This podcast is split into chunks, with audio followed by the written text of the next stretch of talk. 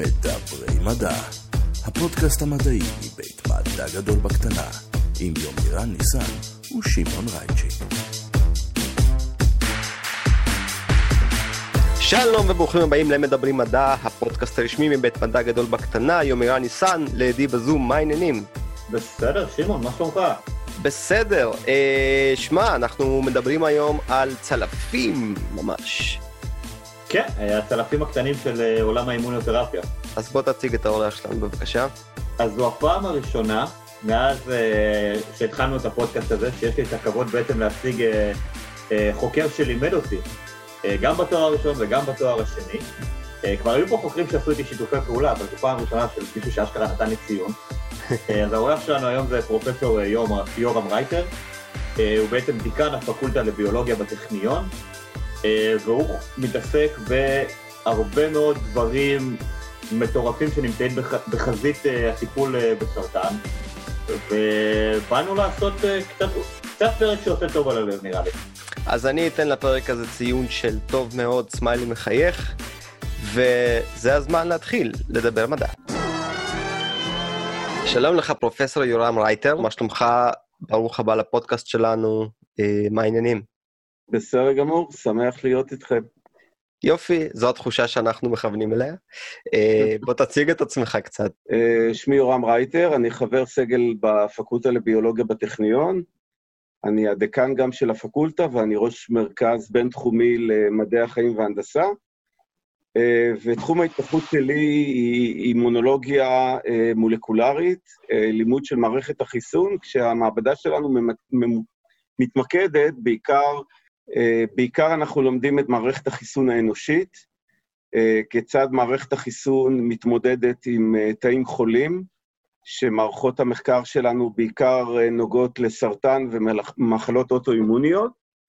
אנחנו משלבים מחקר בסיסי עם מחקר שהיום אנחנו קוראים לו מחקר תרגומי, Translational Research, כי בסופו, בסופו של דבר המטרה שלנו זה להבין גם מנגנונים, אבל גם לפתח גישות חדשניות שיכול להיות שיום אחד יובילו לטיפולים חדשניים שבעצם יגייסו וירתמו את מערכת החיסון למלחמה במחלות כמו בסרטן, תחום מאוד ידוע שנקרא אימונותרפיה של סרטן, או במחלות אחרות. מה זה Translational Research לאלו מאיתנו ש... Translational Research זה מה שפעם קראו לזה מדע יישומי. היום אנחנו יותר uh, מעדנים את זה. הרעיון מאחורי Translational Research זה שאפשר להתחיל בשאלה בסיסית לחלוטין, שקשורה באיזושהי בעיה, למשל במחלה, ולנסות ולהגיע לתובנות שעוזרות לנו בסופו של דבר לפתח uh, פתרונות למחלה, או תרופות, או גישות דיאגנוסטיות uh, חדשות, או מניפולציה של גנים שקשורים uh, במחלה. אבל זה לא מחקר uh, בסיסי גרדה להבין uh, uh, איזשהו מנגנון וזהו, ו, ולעצור שם, אלא לקחת את המנגנון, את ההבנה של המנגנון, וליישם את זה לתרופות ולדברים יישומיים שאפשר ליישם לרפואה. טוב, אנחנו בתקופה ש... חקר תרופות ומערכת החיסון נשמע כמו הדבר הנכון. אני תוהה, אתה יודע, יומירן, כמה זמן לתוך העתיד אנשים שישמעו את הפרק הזה יגידו נכון, אני יודע בדיוק על מה הוא מדבר, התקופה הזאת עדיין כאן. אני תמיד תוהה איך אנשים בעוד, אתה יודע, כמו שאנחנו היום מסתכלים על השפעת הספרדית, איך אנשים בעוד 30, 40, 50 שנה יסתכלו על תקופת הקורונה. כן, הם יזכרו את זה בתור הגל הקל והראשון. כן. אז זה מדויק, כי אני יכול לספר לכם, אני, אני כבר, אתם רואים את השיער הלבן, או האין שיער, ואפס שיער הוא לבן, אבל אני בתחום הזה כבר uh, למעשה מהפוסט-דוק, uh, אני לא אגיד לכם להגיד, בוא נגיד, uh, שניים וחצי עשורים ואפילו יותר, ואני יכול להגיד לכם שכשאני הייתי פוסט-דוקטורט, הייתי הולך לכנסים, והתחום של אימונותרפיה היה איזה תחום זניח, ש... שבסוף הכנס, נניח, בטיפול בסרטן, היו נשארים איזה עשרה חוקרים, והם היו מתחרים ביניהם בעצם להשמיט שבעצם התחום הזה לא קיים, ואנחנו סתם מבלבלים את המוח. והיום, כשהולכים לכנסים הכי גדולים של האונקולוגים, שזה כנסים של רופאים, זה לא כנסים של מדענים, החלק של אימונותרפי הוא, הוא פשוט מטורף. 90 אחוז מהכנס עכשיו, הכנסים בשנים האחרונות של האגודה האמריקאית. לאונקולוגיה קלינית, זה אנשים וחוקרים שמתעסקים באימונותרפיה. אז המהפכה שהתחום הזה עבר בגלל התגובות שרואים בחולים, אה, זה די מדהים. וזה ממש חוויה לראות את התחום הזה ממצב שהוא בעצם היה כזה איזוטרי ואנקדוטי לתחום שהוא פשוט חם ולוהט. כן, אז... עולם הרפואה, עולם הרפואה בכללי עושה הרבה מאוד uh, מהפכות ושינויים, הרי כשגילו בהתחלה, אתה יודע, את הפניצילין, חשבו שגילו את uh, כדור הזהב לטיפול בערך בכל דבר ש, שקיים. נכון. ולאט לאט uh, הבאנו ש... לכל נכון. מה שהיה רלוונטי אז. אתה יודע, זה איזשהו פלסטר זמני, וגם הוא כבר כן. up to date. נכון. אז בואו נדבר על התחום, בואו בוא נעשה לנו introduction לתחום, למרות שהתחום הזה אה, כבר הופיע כמה פעמים בפודקאסט הזה, אה, בוא תן לנו את זה מהזווית שלך. אוקיי, אז אה, אפשר, אפשר להגיד ש... בוא נגיד, אפשר לחלק בגדול את ה-30 שנה האחרונות לשלושה חלקים. בחלק הראשון, שהיה ב, ב, בשנות ה-80, אה, אנשים התחילו להבין שמערכת החיסון יכולה אה, להכיר, והיא מכירה תאים סרטניים, תאים שמתרחשים בהם שינויים גנטיים, הם מאבדים בעצם את הבקרה הנורמלית על החלוקה, משהו משתבש בהם, ולמרות שהם תאים עצמיים, אוקיי? כלומר, מערכת החיסון אמורה להיות סבילה כנגדם, הצטברו יותר ויותר עדויות על, על זה שמערכת החיסון יכולה להכיר אותם, ולאט לאט גם uh, התיאוריה של, uh, אנחנו קוראים לה תיאוריית הפיקוח החיסוני, שכל הזמן יש תאים ומולקולות שמסתובבות בגוף שלנו ומחפשים תאים חולים כאלה, תאים שעוברים שינויים גנטיים, מוטציות וכל מיני דברים כאלה, המערכת מסוגלת uh, להכיר אותם. אז זה השלב הראשון.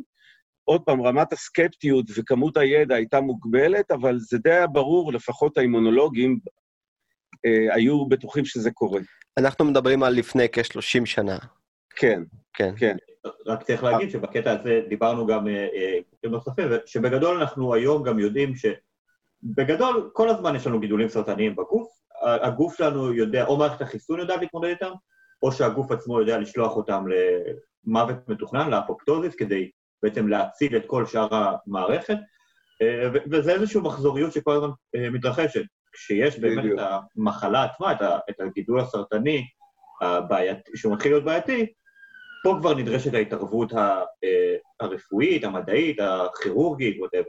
כן. בדיוק, בדיוק. אז זה ידוע, ויש אה, הרבה עדויות מדעיות שכל הזמן נוצרים תאים אה, שעוברים התמרה מכל מיני סיבות, הולכים לים, נחשפים לנזקים כימיקליים וכולי, ויש... עושים ניסויים מדעיים בבית בצורה לא מפוקחת. עושים ניסויים ניסויים בבית, כל מיני דברים כאלה, כן? לא ממליץ לנסות. אה, אבל אה, גם אם מנסים וזה קורה, עובדה שמערכת החיסון מצליחה להתמודד איתם, בדיוק. והשאלה מתי האיזון הזה מופר. עוד דבר שקרה אה, לפני 30 שנה, זה שהחוקרים החליטו שבני אדם זה לא מודל טוב, ועכברים זה המודל האידיאלי. ללמוד את כל מה שאנחנו יודעים על מערכת החיסון. וכמו שאנחנו יודעים, עכברים הם נחמדים, זה נכון שהגנום שלהם דומה מאוד לגנום שלנו, אבל עדיין עכברים זה לא בני אדם, והיום אנחנו יודעים שרוב הניסויים שנעשו בעכברים אין להם שום רלוונטיות לבני אדם, ואפילו ה-FDA יודע שאם אנחנו נעשה ניסויים שנניח בודקים איזושהי תרופה בעכבר והיא עובדת נהדר, אין שום ביטחון שהתרופה הזאת אה, תעשה משהו בבני אדם. זאת אומרת, מיליוני עכברים, או עשרות מיליוני העכברים שריפינו מסרטן, בהצלחה גדולה לא אומרים כלום לגבי הפרדיקציה אם זה יעבוד בבני אדם. אבל אה, אחלה לעכברים. אלא אם כן אנחנו, אלא אם כן אנחנו אלה שנתנו להם סרטן מלכתחילה. אין ספק. אין ספק שאת בעיית הסרטן בעכברים, בעיקר זה סרטן שכמובן אנחנו משרים בו, בעכברים האלה, את זה פתרנו בהצלחה גדולה. יאללה, וי אחד ללוח כבר יש. חשוב אה, לציין שבכללי, בתעשיית התרופות, מעל, לפחות במאמרים שאני קראתי ואני מכיר, מעל 90% מהתרופות שעברו בהצלחה את הניסויים הפארה-קליניים, לא הצליחו לעבור את הפאזה הש... השלישית, זאת אומרת של, אה, של הניסויים הקליניים בבני אדם. כלומר, יש איזושהי בעיה מובנית שבמעבר מהבעלי חיים היחסית ירודים שאנחנו מתעסקים בהם, שזה לרוב עכברים, חולדות, אפילו חזירים היום, כלבים, יש בעיה במעבר. אמ, כמובן שקופים יהיו הרבה יותר יעילים, אבל הרבה הרבה יותר קשה לעשות בהם אה, ניסויים, וגם הרבה יותר יקר. נכון. אה, כן. עכשיו, ולהוסיף למה שאתה אמרת, שמגיעים לאימונותרפיה, אז בכלל זה בעיה, כי לבני אדם יש מערכת חיסון מסוימת, עם הרכב מסוים של מולקולות והכרה, ומה לעשות, אבל לאף אחד אין מערכת חיסון כזאת, לא לעכברים, לא לקופים ולא לשום אה, יצור אחר, אז, אז אנחנו פה בבעיה, אוקיי? אבל ייאמר לזכותו של ה-FDA שהוא מבין את זה, והיום הרף להכניס טיפולים, זה לא שלא צריכים את המודלים, אבל הרף היום, הם מבינים, הם מבינים יותר את, את הבעייתיות, ו, ויותר ויותר נוטים לתת אישורים לעשות ניסויים בחולים, בפאזות מאוד מוקדמות, אנחנו קוראים לפעמים לדבר הזה גם פאזה אפס, שלמעשה רק בודקים בצורה מאוד מאוד אה, אה, זהירה את, ה, את הרעילות ו, ומה התרופה עושה קודם כל לאנשים מבחינת ה-safety, מבחינת הביטחון, ולא מסתכלים עוד בכלל על תגובות. אז זה גם אה, איזושהי תנועה שקרתה לאורך השנים. אוקיי, עכשיו, בפאזה, אחרי שעברנו את, ה, את הפאזה הראשונה, לפני 30 שנה, אה, נכנסנו לפאזה השנייה, ובפאזה השנייה קרו כמה אירועים מאוד מאוד משמעותיים. קודם כל, התחלנו להיות יותר מתוחכמים ב, ביכולת שלנו להנדס תאים, להנדס אה, חלבונים, להנדס DNA, ליצור כל מיני שיטות שמאפשרות לנו יצירה באמת של גישות מאוד מאוד מתוחכמות. דבר נוסף שקרה, זה שהתחילה לחלחל ההבנה שהמודלים בעכבר הם לא המודלים המתאימים, ואז uh, בעצם uh, יותר ויותר קבוצות התחילו לעבוד במה שאנחנו קוראים Human Immunology, אוקיי? אימונולוגיה הומנית, אוקיי? ו... והתחיל התחיל יותר, התחילה יותר נהירה של מחקר שהוא באמת יותר תרגומי, להבין מנגנונים, ככל שגילינו יותר מנגנונים ומולקולות, ככה הבנו אה, את, ה, את החשיבות של, ואת היכולת לעשות מניפולציה למערכת החיסון, ויש כמה דוגמאות מקסימות, כן? החל מהעבודות של אה, זליג אשחר, כן? כחול לבן, של יצירה של תאי T מהונדסים, אוקיי? שזה...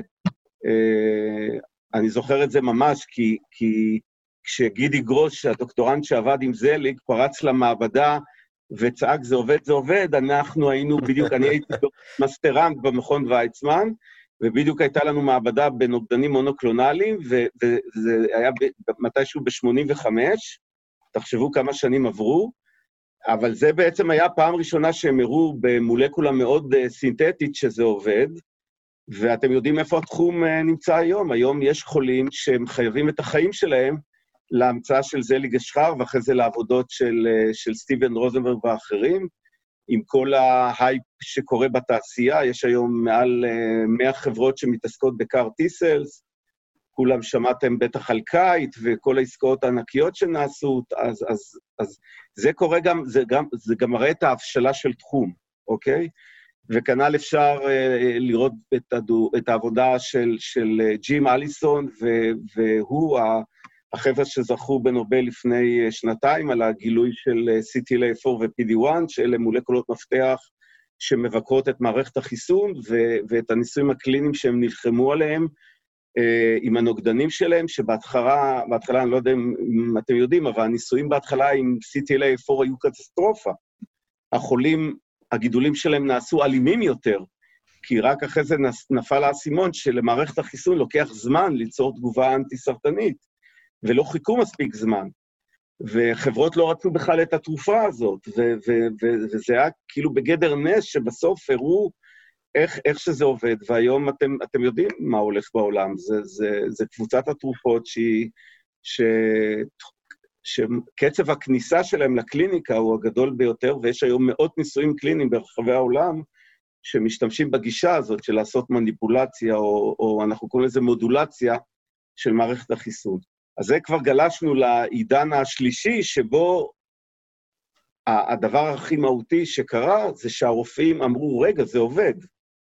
כלומר, עד, עד העידן של שנות האלפיים, הרופאים היו אומרים, טוב, זה נחמד, יש חולה פה, יש חולה שם, זה אנקדוטי, אנחנו לא מבינים, אבל פתאום 50, 60, 70 אחוז מחולי המלנומה המטסטטית, שהיו כבר אמורים להיות במקום אחר, חיים גם חמש, שמונה ועשר שנים אה, אחרי שהם טופלו. ואני מעביר קורס בפיתוח תרופות ביולוגיות בטכניון, ואני מביא כל שנה חבר סגל שלפני עשר שנים, אה, זאת אומרת, הוא היה, גילו לו מלנומה ממירה, אבל היא חזרה, והיא כבר הפכה להיות מאוד ממירה, וכבר התחילו לו גידולים במוח, ושלחו אותו כבר להיפרד מהמשפחה שלו, היו לו ילדים קטנים, ולמזלו הוא חפר טוב באינטרנט והצליח להשתחל לניסוי הקליני הראשון ב-CTLA4 שהיה בבוסטון, והוא הגיב בצורה פנטסטית, ועד היום הוא בריא. אה, נדמה לי 12 שנה אחרי, ה...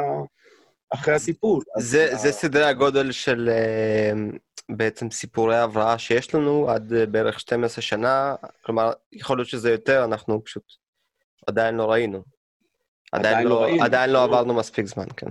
כן, אבל עוד פעם, בואו נהיה זהירים, לא כל החולים מגיבים, אבל בעיקר היום בשילוב של התרופות, בשילוב של הנוגדנים, שלא נותנים נוגדן אחד, אלא נותנים כמה נוגדנים, התוצאות שאנחנו רואים, אה, שהרופאים רואים והמדענים רואים מאוד מאוד מבטיחות, ואנחנו מגיעים לאחוזי תגובה מאוד מאוד מרשימים, של מה שאנחנו קוראים 5-year survival, כן?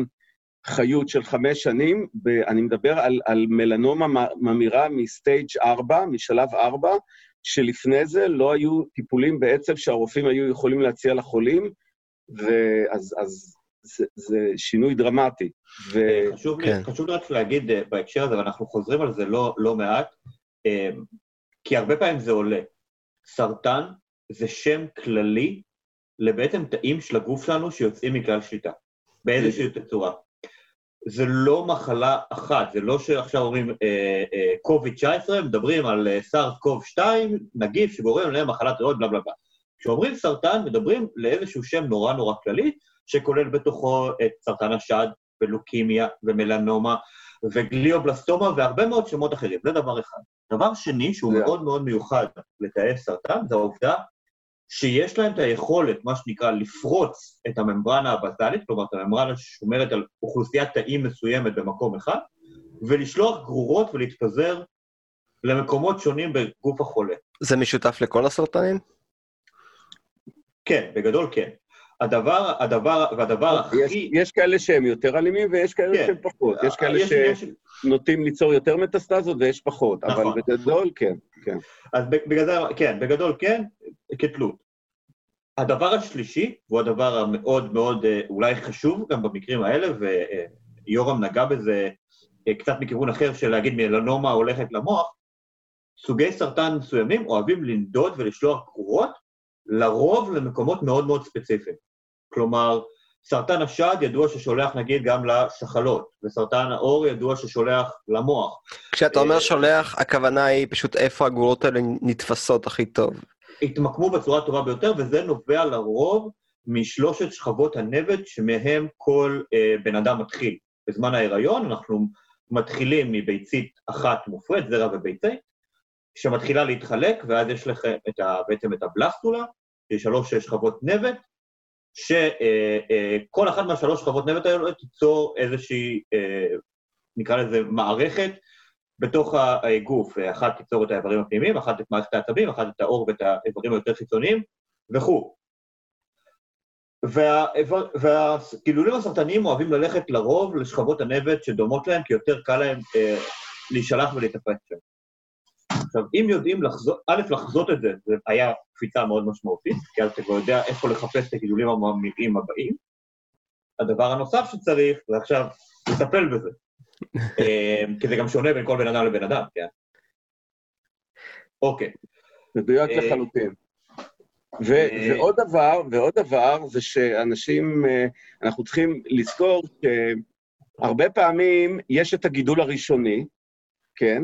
שאנחנו יכולים גם להתמודד איתו בכל מיני דרכים אה, סטנדרטיות, כן? אנחנו פשוט יכולים להוריד אותו. אבל עיקר הבעיה זה הנדידה הזאת, כן, שיומירן ציין, של תאים, אפילו ברמה מיקרוסקופית. זאת אומרת, בשיטות הדמיה רגילות אי אפשר לראות תאים בודדים, או, או אנחנו קוראים לזה מיקרו-מטסטזות, זאת אומרת, מטסטזות קטנטנות, שיושבות נניח בכל מיני מקומות בריאות או בכבד אה, וכולי, ויכולות אפילו להישאר שם רדומות להרבה זמן, ואז יש איזשהו טריגר שגורם להם להתחיל לשגשג. ואחד הדברים שמערכת החיסון, זה התפקיד שלה, זה להסתובב כל הזמן בגוף שלנו ולחפש כל הזמן תאים שמשהו לא בסדר איתם. ובגלל זה כל התחום של אימונותרפיה בעצם אמור לטפל בתאים הבודדים האלה, או במיקרו-מטסטזות האלה, אנחנו קוראים לזה מינימל רזידואל דיזיז, מחלה אה, שהיא נשארה והיא קטנה, מינימלית, שבעצם ממנה אחרי זה החולה או החולה, גם אחרי שהסירו לה או לא את הגידול, אחרי אה, איזושהי תקופה, פתאום יש תהליך שאנחנו קוראים לו רילאפ, שהגידול חוזר, אבל עכשיו הוא מטסטטי והוא הרבה יותר אלים. זה בדיוק הנקודה שאנחנו יכולים לנצל את המערכת הזאת בשביל פשוט להסתובב ולחפש את התאים החולים. אז, אז ה, ה, התחום של אימונותרפיה לא בא אה, להתמודד עם, עם גידולים גדולים שכבר, אה, שכן, בשביל זה יש מנתחים, בשביל זה יש כל מיני שיטות תרפיה אחרי, אחרות, אלא האימונותרפיה היא באה אה, אה, למלא איזשהו חלל שעד היום לא הצלחנו להתמודד איתו, ושם אנחנו רואים את התוצאות הכי דרמטיות. כי בדרך כלל עושים את הניסויים הראשונים על חולים מאוד קשים, שאחוזי התגובה שם הם, הם לא מי יודע מה, אוקיי? למשל, יש תרופה מאוד מפורסמת, שבטח הרבה אנשים שמעו, שנקראת הרספטין, ש, שעוד פעם, זה נוגדן, כלומר מולקולה מסיסה של מערכת החיסון, שמחפשת את, ה, את התאים הסרטניים, שיש להם קולטן מסוים שקשור בתהליך הסרטני. עכשיו, בהתחלה הניסויים הקליניים לא היו מוצלחים, ו- ואנשים באמת אה, עשו דברים אה, כדי, ממש מכרו רכוש, וזה רק לטפל, לקבל את הנוגדן, הנוגדן הקסם הזה. אבל כשהמחלה הייתה מאוד מתקדמת, זה פחות עבד. אולי האריכו את החיים בכמה חודשים. מתי הייתה פריצת הדרך הכי, הכי משמעותית? שהתחילו לתת את זה לחולות שיש להם, אה, שהגידול העיקרי הוא שר, שידעו שיש, או שיש פוטנציאל לכאלה מיקרו-מטסטזות, ונתנו את הטיפול הזה, אנחנו קוראים לזה אג'ובן תרפי, כטיפול מונע. והתגובות שם היו מטורפות. הרמת ההישנות של המחלה ירדה בסדרי גודל של 40-50 אחוז, שזה דבר מדהים. והיום כל חולת סרטן שד שיש לה את המרקר הזה, עושים בדיקה היסטולוגית ובודקים את המרקר, המרקר נקרא HER2, הוא מאוד מפורסם. אה, אם היא חיובית, היא תקבל את הטיפול הביולוגי הזה, אוקיי? אז זה שינוי, אנחנו קוראים לזה שינוי פרדיגמה, זה שינוי מהותי באיך שאנשים מסתכלים על, על איך לטפל ב, בחולה, אוקיי? ודיברת על הנוגדן שיודע לזהות בעצם את התאים אה, שיש בהם איזושהי בעיה. אה, איך זה עובד?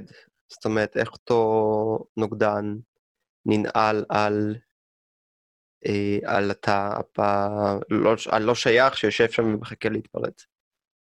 אוקיי, okay, אז קודם כל, מערכת החיסון שלנו בנויה משתי זרועות. יש זרוע של מולקולות מסיסות, שהזרוע אפקטורית, אפקטורית בכוונה, יש לנו, אנחנו קוראים למערכת החיסון זרוע אפקטורית, זאת הזרוע שעושה את העבודה, שנלחמת. ואז יש שני סוגים בעצם של כלי מלחמה. אחד זה נוגדנים, שאתם מכירים את זה עכשיו, אה, אתם יודעים, כל אחד עכשיו ברחוב יודע מה זה נוגדנים, נכון? אלה פשוט, אלה מולקולות מסיסות, שבעצם יש להן תכונה להיקשר למה שאנחנו קוראים אנטיגן. אנטיגן זה איזשהו מבנה מולקולרי שמאפיין וירוס, תא, כל דבר, אוקיי? והנוגדן הזה עכשיו נקשר לאנטיגן הזה, ויש לו שני תפקידים. תפקיד אחד זה לנטרל אותו. למשל, במקרה של וירוס, הקישור של הנוגדן לווירוס ינטרל את היכולת שלו עכשיו להדביק תאים, כן? אם אנחנו מדברים למשל על קורונה. ודבר שני שהנוגדן עושה, יש לו זרוע שאחרי שהנוגדן נקשר למטרה שלו, הזרוע הזאת יכולה לקרוא לתאים אחרים של מערכת החיסון ואז התאים האלה או בולעים, או מנטרלים, או הורגים את התא שמודבק למשל בווירוס, אוקיי? למשל, תיקחו שפעת, כל שנה, נכון, יש לנו שפעת חדשה, נוצרים לנו נוגדנים, הנוגדנים האלה מסמנים מצד אחד את הווירוס, אבל מצד שני גם יכולים להכיר אה, תאים שמודבקים בווירוס, ואז הם מסמנים למערכת החיסון לבוא ולחסל את, ה, את התאים האלה.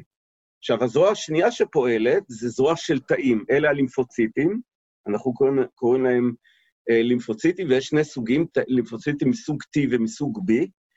B הם אלה שמייצרים את הנוגדנים, ו-T הם מולקול, הם תאים, סליחה, שהתפקיד שלהם זה להרוג. זאת מכונת ההרג, אחת היעילות שיש בטבע. התאים האלה, יש להם קולטן, וברגע, והקולטן הזה עובד כמו סורק, כמו סקנר. הוא סורק כל הזמן איזושהי מולקולה, שזה בעצם קומפלקס שנמצא על שטח הפנים של כל תא בגוף שלנו, והקומפלקס הזה מכיל חתיכות קטנות שמקורם מחלבונים שנמצאים בתוך התא. מה קורה? לכל חלבון בתוך התא יש זמן מחצית חיים. בסוף הוא, גם חלבונים בתא מתים, אבל הם לא מתים בדרך שאנחנו מכירים, הם מתים על, על ידי זה שאנחנו פשוט, יש מערכת בתוך התא שמפרקת אותם. יש אוקיי? פרוטוקול, זה... פרוטוקול מסודר לכל תא. בדיוק, פרוטוקול אה, מסודר, כן. ויש... זה מנגנון מתוכנת ומסודר, וחלק מהמנגנון הזה גילו, הטכניון כן. קיבל על זה פרס נובל. שני, שני פרסי נובל אפילו. נכון, אז uh, צ'חנובר והרשקו קיבלו, קיבלו על זה פרס נובל, כן, שני חוקרים, ורוז מארצות הברית. למעשה, uh, הרשקו וצ'חנובר גילו את המנגנון שמסמן את אותם חלבונים עכשיו לעבור את, ה, את, ה, את הפירוק הזה. עכשיו, ברגע שהחלבונים עוברים פירוק, חלבונים זה uh, מולקולות גדולות, הן בנויות מחומצות אמיניות, החלבונים האלה מת, מת, מתפרקים לפרגמנטים קטנים, של כמה חומצות אמיניות, ויש מערכת מדהימה בתוך התאים, שעכשיו לוקחת את הפרגמנטים האלה ומציגה אותם על שטח הפנים של התא, וזה נקרא אנטיגן תואם הרקמות. זה בעצם המולקולה שנותנת לכל אחד מאיתנו את הזהות שלו, מבחינת הרכב הרקמות ומבחינת הזהות האישית. ובגלל זה אי אפשר לקחת סתם כליה מבן אדם אחד ולהשתיל אותה בבן אדם אחר.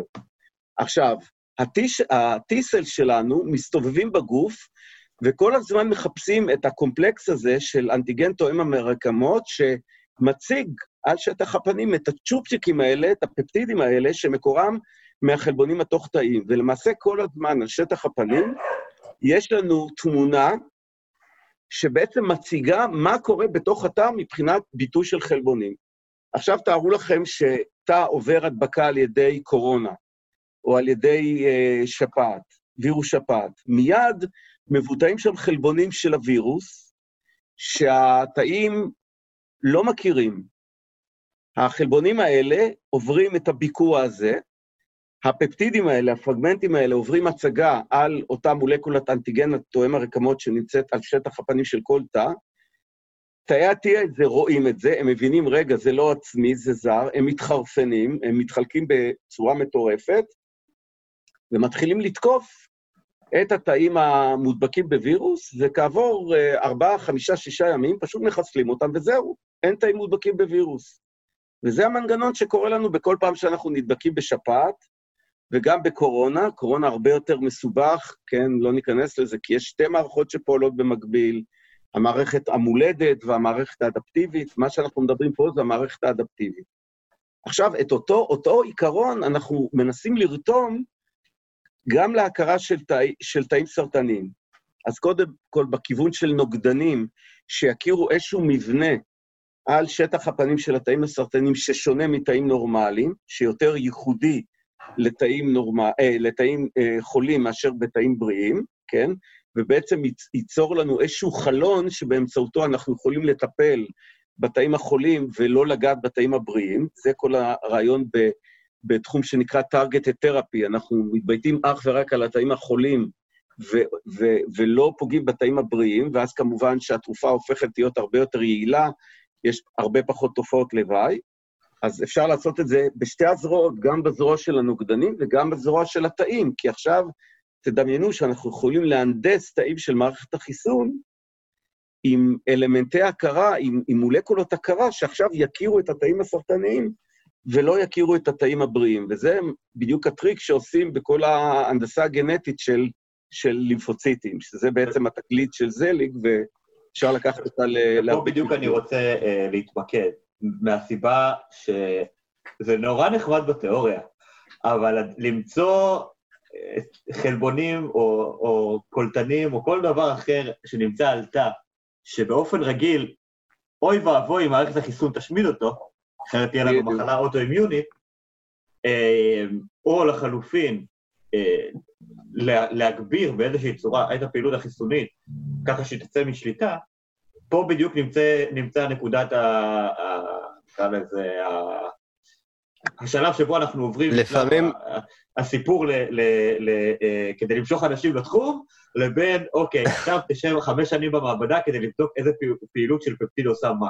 לפעמים, אתה יודע, כבן אדם שלא מהתחום, כשאתה שומע מספיק אה, פעמים על טכנולוגיה מסוימת או על מונח אה, מסוים, כלומר, עכשיו אנחנו מדברים הרבה על חלבונים, חומר גנטי, ואנחנו מזהים, ואנחנו תוקפים, ואנחנו הולכים, אז זה נשמע לפעמים כל כך קל, אתה יודע, בסוף זה גם מה שמוליד לפעמים את התפיסות של, כן, את הקורונה אינדסו הסינים, מה הבעיה? אנחנו, זה כמו להרכיב לגו. בדיוק. אז, אז בדיוק, זה, זה, זה הנקודה שאני רוצה לדבר עליה בדיוק. בדיוק, אז זה בעצם האתגר הכי גדול, כי באמת, מגוון השיטות והכלים, הארסנל שיש היום, כדי לקחת ולחמש את כל התאים ואת כל הנוגדנים וזה, הוא, הוא אדיר. ומה שחסר זה בדיוק הנקודה. מה שחסר זה מטרות, מטרות תקיפה. מה שנקרא בנק מטרות, זה מה שחסר לנו. ו- וכל העולם עובד על בנק מטרות שאולי, אני לא יודע, אני לא רוצה סתם לזרוק מספרים, אבל באמת הוא מוגבל.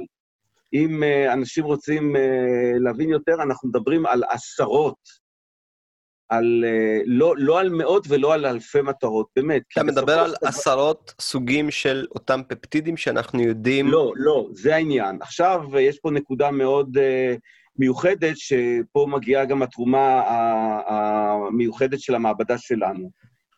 יש שתי סוגי מטרות. יש את החלבונים הרגילים, נקרא להם, שנמצאים על שטח הפנים של התא, הם לא פפטידים, הם חלבונים רגילים, אוקיי? אני לא יודע מה זה פפטידים, אני רק ציטטתי את מה שאמרת מקודם. מעולה. עוד רגע אני אסביר יותר מה זה פפטידים. ויומירן, שהוא הביולוג, גם יעזור לי איפה שאני, כן, כי אצלי יש מונחים שהם ברורים, אבל... תמיד אפשר לסמוך על יומירן. בדיוק. אז יש את החלבונים שהם באמת מולקולות גדולות, והן נמצאות על שטח הפנים של התא. הם בערך מהווים 15-20 אחוז מהחלבונים שיש לנו בגנום או בפרוטאום שלנו, יש לנו בתא בערך 60 אלף אה, אה, חלבונים, אוקיי? אה, אז, אה, אה, אז, אז אה, אנחנו מבינים שזה אחוז קטן. עכשיו תיקח את האחוז הזה ותגיד, אוקיי, מה ההבדל בין תאים סרטניים לתאים נורמליים? סך הכל תא סרטני נוצר מעצמי. אז אנחנו נמצא שבסוף יש מעט מאוד מטרות כאלה, שהם חלבונים רגילים נקרא לזה, שנמצאים על שטח הפנים של התא, שאותם אפשר בעצם לתקוף, נכון? כן. כי בסופו של דבר, גורם התקיפה צריך להכיר משהו על שטח הפנים של התא. מצד שני, 80 אחוז מהרפרטואר נמצא בתוך התא, אבל נוגדנים, לא רואים אותם. הם רק מחפשים את התעודת זהות, תראה לי מי... או, אתה רואה? עשית את העבודה בשבילי. הם מחפשים את התעודת זהות, בדיוק. והתעודת זהות הזאת זה אותו פפטיד קטן, שזה בסך הכל תשע חומצות אמיניות, אוקיי? לתת לכם מושג, חלבון ממוצע, נניח, מה זה חלבון ממוצע, יומירן? 30, 40 קילו דלטון? זה קומפלקס, או אם לא קומפלקס. בוא נגיד, יש לו בין, נניח, 500 אה, ל-800 חומצות אמיניות, משהו כן. כזה יכול להיות הרבה יותר. אנחנו מדברים על צ'ופצ'יק של זה, על תשע חומצות אמיניות, משהו קטנצ'יק. הרבה פעמים זה רק לופ שיוצא החוצה מהממברנה, ממש כאילו רק שנותן לו את ה... נקרא לזה את ה... ממש קצה פצפון החוצה, נקרא לזה זה שאתה מרים איתו את הקומקום. זה הדבר היחיד שבחוץ, כל השאר נמצא בפנים. בדיוק. והתשע האלה, גם רוב החומצות האמיניות מהתשע האלה בכלל נמצאות בפנים, כאילו, כי משהו צריך להחזיק את זה בקומפלקס, אז בסך הכל שתיים, שלוש, ארבע חומצות אמיניות פונות כלפי מעלה. עכשיו, תחשבו שהשלוש, ארבע חומצות אמיניות האלה מכתיבות את כל הפעילות של מערכת החיסון. אם אני אהיה בריא, אם אני אהיה חולה, אם אני אשמיד קורונה, לא אשמיד קורונה. אם אני אשמיד שפעת, לא, לא אשמיד שפעת. אם אני אהיה חולה במחלה אוטואימונית או לא, או לא. תגיד, זה... אבל uh, כשאני, uh, כשמדברים איתנו על uh, אה, DNA, אז ל-DNA יש ארבעה בסיסים, והם יוצרים מגוון מאוד גדול של uh, אפשרויות. האם uh, ארבע חומצות אמיניות זה לא משהו שבכל זאת יכול לספק איזשהו עוגן uh, יציב? זאת אומרת, לראיה כן, מערכת החיסון כן יודעת בדיוק. העובדה, האבולוציה מראה לנו שזה עובד, שמערכת החיסון מספיק לה להכיר את הארבע חומצות אמיניות האלה בקונטקסט של הקומפלקס היותר גדול, אוקיי? כמה סוגי ולא... חומצות אמיניות יש? יש סליחה על השאלה, אני מרגיש שהיא... יש לנו, יש לנו 20 חומצות אמיניות. 20. אוקיי? עכשיו, תחשוב שבכל עמדה יכולה להיות אחת, מה, אחת מהעשרים האלה, זה נותן לנו די הרבה קומבינציות, כן? נכון. כן. זה נותן אה, שונות יפה מאוד.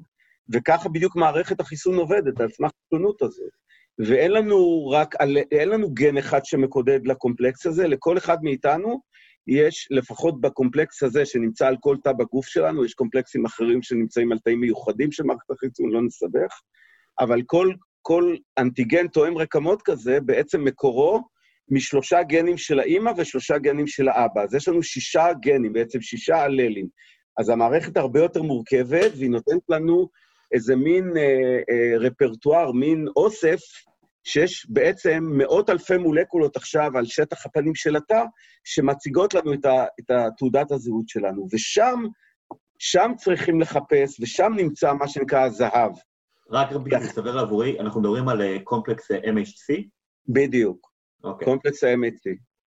אני אספר, כשיורם יספר, יסיים, אני אספר על משהו קשור, אבל לא קשור, שגם קשור למחקר שלי, אבל כש... כן, בוא נתקדם. אוקיי. כן. אז איך, איך אומרים, שם נמצא המאני טיים, כי עכשיו אני, עקרונית, אנחנו יכולים לגשת ל-80 אחוז האלה שנמצאים בתוך התא, ולשאול מה מבדיל ביניהם בין תא חולה ותא בריא, בין תא סרטני ותא נורמלי. והייחוד של המעבדה שלנו, שעכשיו אנחנו מתרגמים את ההכרה הזאת, שבאופן טבעי היא הכרה של תאים, הלימפוציטים מכירים את הקומפלקס הזה של האמצים הפפטיד, ומה שמיוחד במעבדה שלנו, שאנחנו פיתחנו אסטרטגיה שאפשר לקחת את ההכרה הזאת ולהפוך אותה להכרה של נוגדן.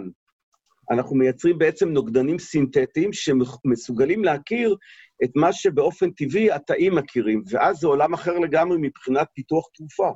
כי נוגדנים זה משהו שהתעשייה יודעת להתעסק, אפשר לעשות להם מניפולציה, וזה בעצם החידוש שאנחנו מביאים, שאנחנו לקחנו את הזרוע התאית של מערכת החיסון, והפכנו אותה לזרוע מסיסה באמצעות מולקולה של נוגדן, שעכשיו בעצם היא יכולה להתביית על אותו רפרטואר אדיר של של מטרות שבעצם במקור היו בתוך התא, ועכשיו הן זמינות לנו על שטח הפנים של התא. מה זה אומר להנדס אה, נוגדן, להנדס מולקולה? עד כמה, אה, איך עושים את זה בכלל?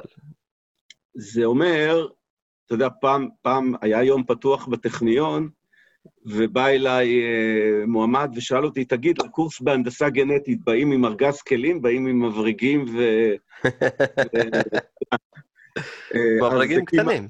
מבריגים, בדיוק. אז המבריגים שלנו הם מבריגים מולקולריים. יש לנו אנזימים שיודעים לחתוך DNA, ויש לנו אנזימים שיכולים לחבר DNA לתוך כל מיני אה, אה, דברים שאנחנו קוראים להם וקטורים, אה, אה, מערכות שמאפשרות לנו עכשיו לקחת את ה...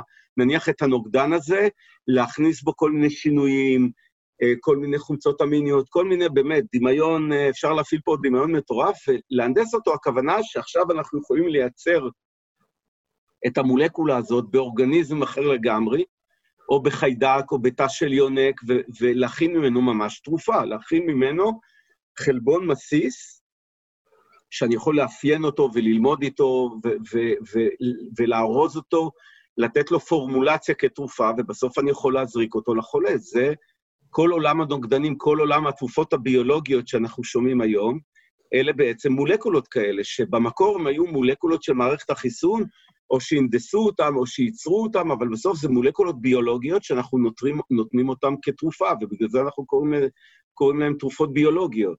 כי, כי מקורם הם מולקולות ביולוגיות טבעיות, או מולקולות ביולוגיות שעשינו איזושהי מניפולציה או איזשהו אינדוס כדי שיעבדו יותר, יותר יעיל.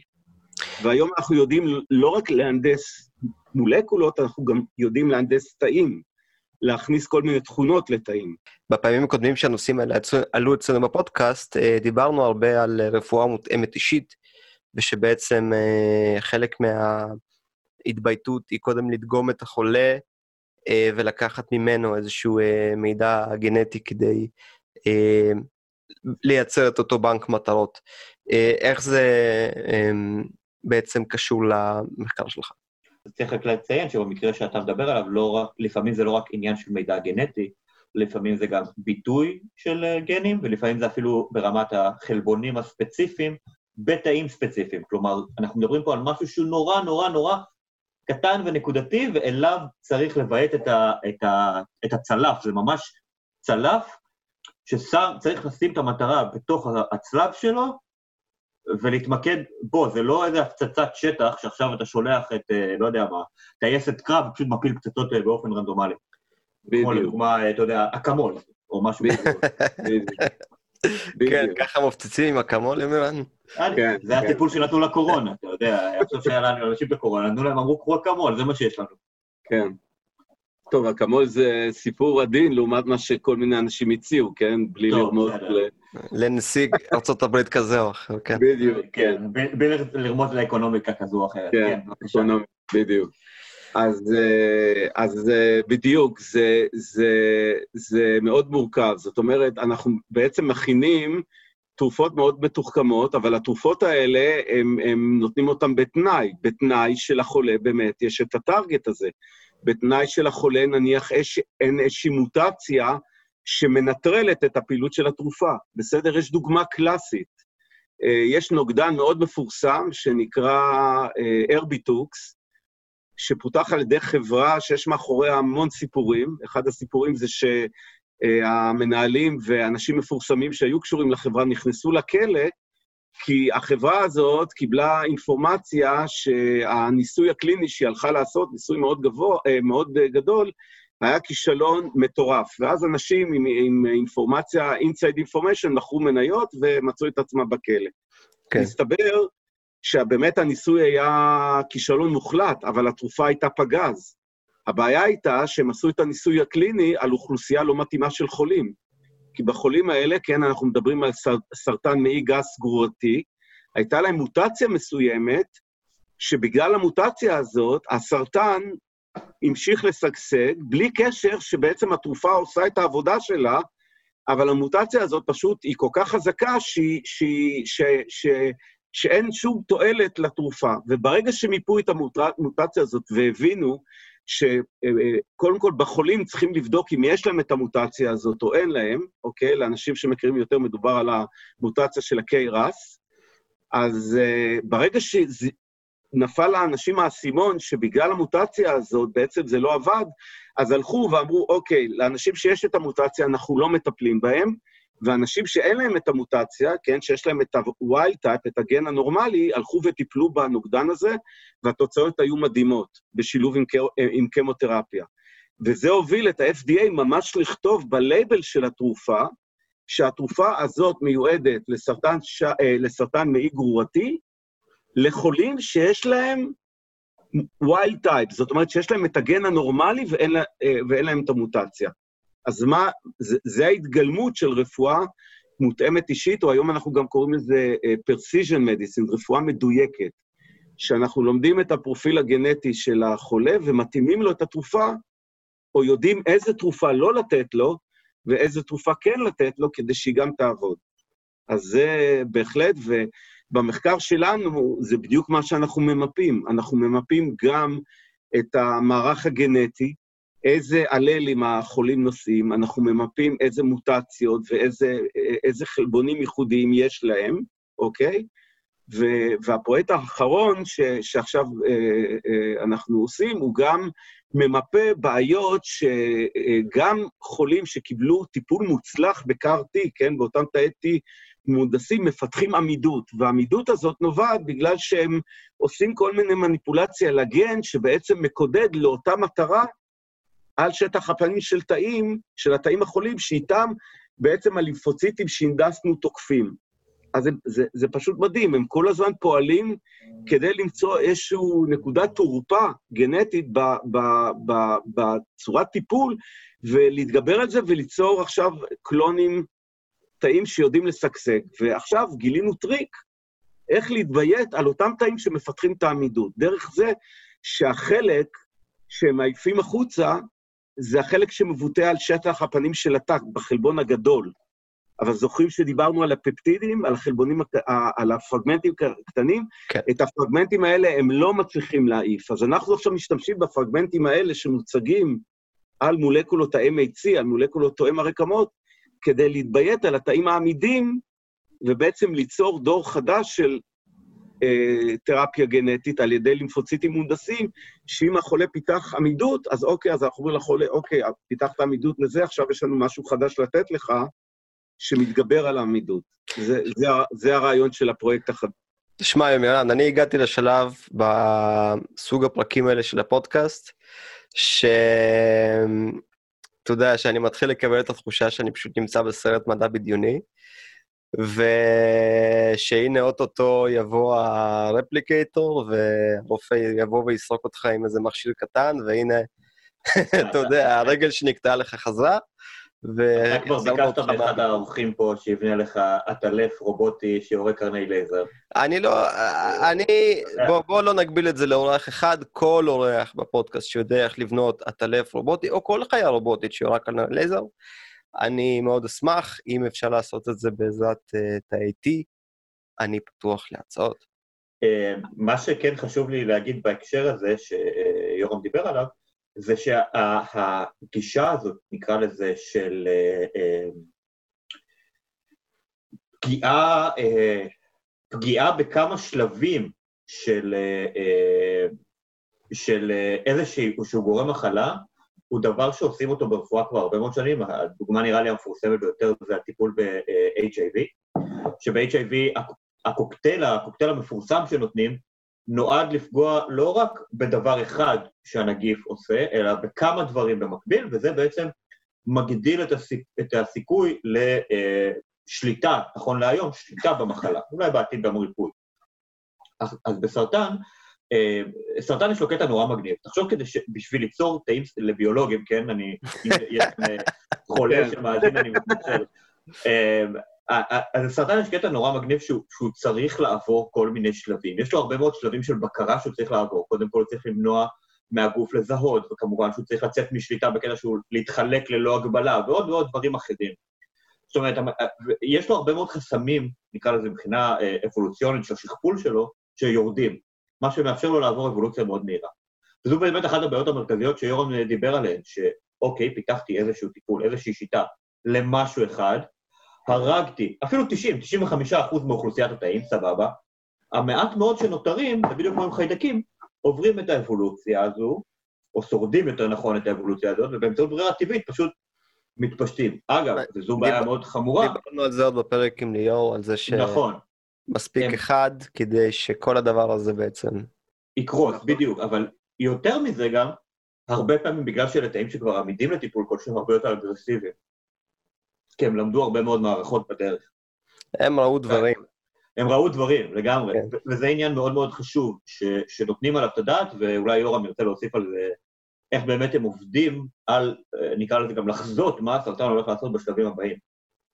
בדיוק. אז, אז קודם כל זה ברור לנו שאין תרופת פלא אחת, והיום כולם מדברים על קומביניישן uh, תרפי, על קומבינציה של תרופות שיתקפו uh, את התאים האלה מכל מיני כיוונים. פשוט ייתנו להם, ייתנו להם בראש מכל מיני כיוונים, שיפגעו גם בכל מיני מנגנונים שונים, כדי שהם לא יצליחו להרים את הראש, אבל זה ברור לנו שמתישהו הם ירימו את הראש. זה, זה פשוט באבולוציה, אה, שלהם, בשינויים הגנטיים המהירים שהם עוברים, בחוסר יציבות הגנטית שיש להם. הם כל הזמן מנסים להתחמק מאיתנו, ו, ו, ובכל, ותמיד הם יצליחו באיזושהי צורה להתחמק. וכל פעם אנחנו צריכים להכין את כלי הנשק הבא כדי, כדי להילחם בהם. זה, זה דומה מאוד לחיידקים, לעמידות לאנטיביוטיקה, ו, וזה דומה גם לתרופות קטנות, מולקולות כימיות קטנות, ש... מפתחות עמידות. זה, זה נכון בעצם כי האבולוציה בסוף חזקה מכל דבר. ורק דרך אה, אה, חפירה במנגנונים, ובעצם יצירה של, של ארסנל של דברים כאלה, אנחנו, אנחנו, באמת, אנחנו לא מדברים על לרפא, אנחנו מדברים על לקחת מחלה קשה שהיא אקוטית, ופשוט להפוך אותה למחלה כרונית, הקוקטייל הזה היום מביא לכך שפעם חולים היו אה, באמת אה, בתוחלת חיים מאוד נמוכה, והיום יש חולים שהם נשאים של HIV, שהתוחלת החיים שלהם היא בדיוק כמו בן אדם בריא, בגלל שיש תרופות אה, שפשוט שומרות את הווירוס רדום, ובצורה כזאת אנחנו יכולים יום אחד גם להגיע למצב עוד פעם, אנחנו לא עושים הכללה, אבל לפחות במספר לא קטן של אה, מחלות סרטניות, אנחנו נגיע למצב שחולים יקבלו תרופות והם יהיו בסדר לאורך מספר גדול מאוד של שנים, רב מאוד של שנים, בלי שהם ירגישו כל שינוי באיכות החיים שלהם, וזאת בעצם המטרה. תגיד, ירם, ואתה אומר לדמ... לדמיין מצב שבו, אבל uh, מה, מה באמת הפוטנציאל הקליני של, uh, של המחקר שלכם? הפוטנציאל הוא, אנחנו חושבים שהוא גדול מאוד. אה, חלק מהפוטנציאל הזה אה, הולך להיות ממומש בקרוב, כי אה, האסטרטגיה הזאת שפיתחנו, היא עברה לחברת סטארט-אפ, שהיא קמו כבר לפני הרבה שנים. החברה הזאת בעצם נמכרה והתמזגה לחברה אמריקאית, והחברה האמריקאית נמצאת היום על סף ניסויים קליניים. הניסויים הקליניים צפויים להתחיל ב... ברבעון הראשון של 2021, אה, אה, שנה הבאה. אוטוטו. ואנחנו מאוד סקרנים לראות אה, איך זה עובד. אנחנו יודעים שגישה קצת דומה, יש לה, שנמצאת בקליניקה, כבר נותנת תוצאות קליניות די מבטיחות, והמערכת שה...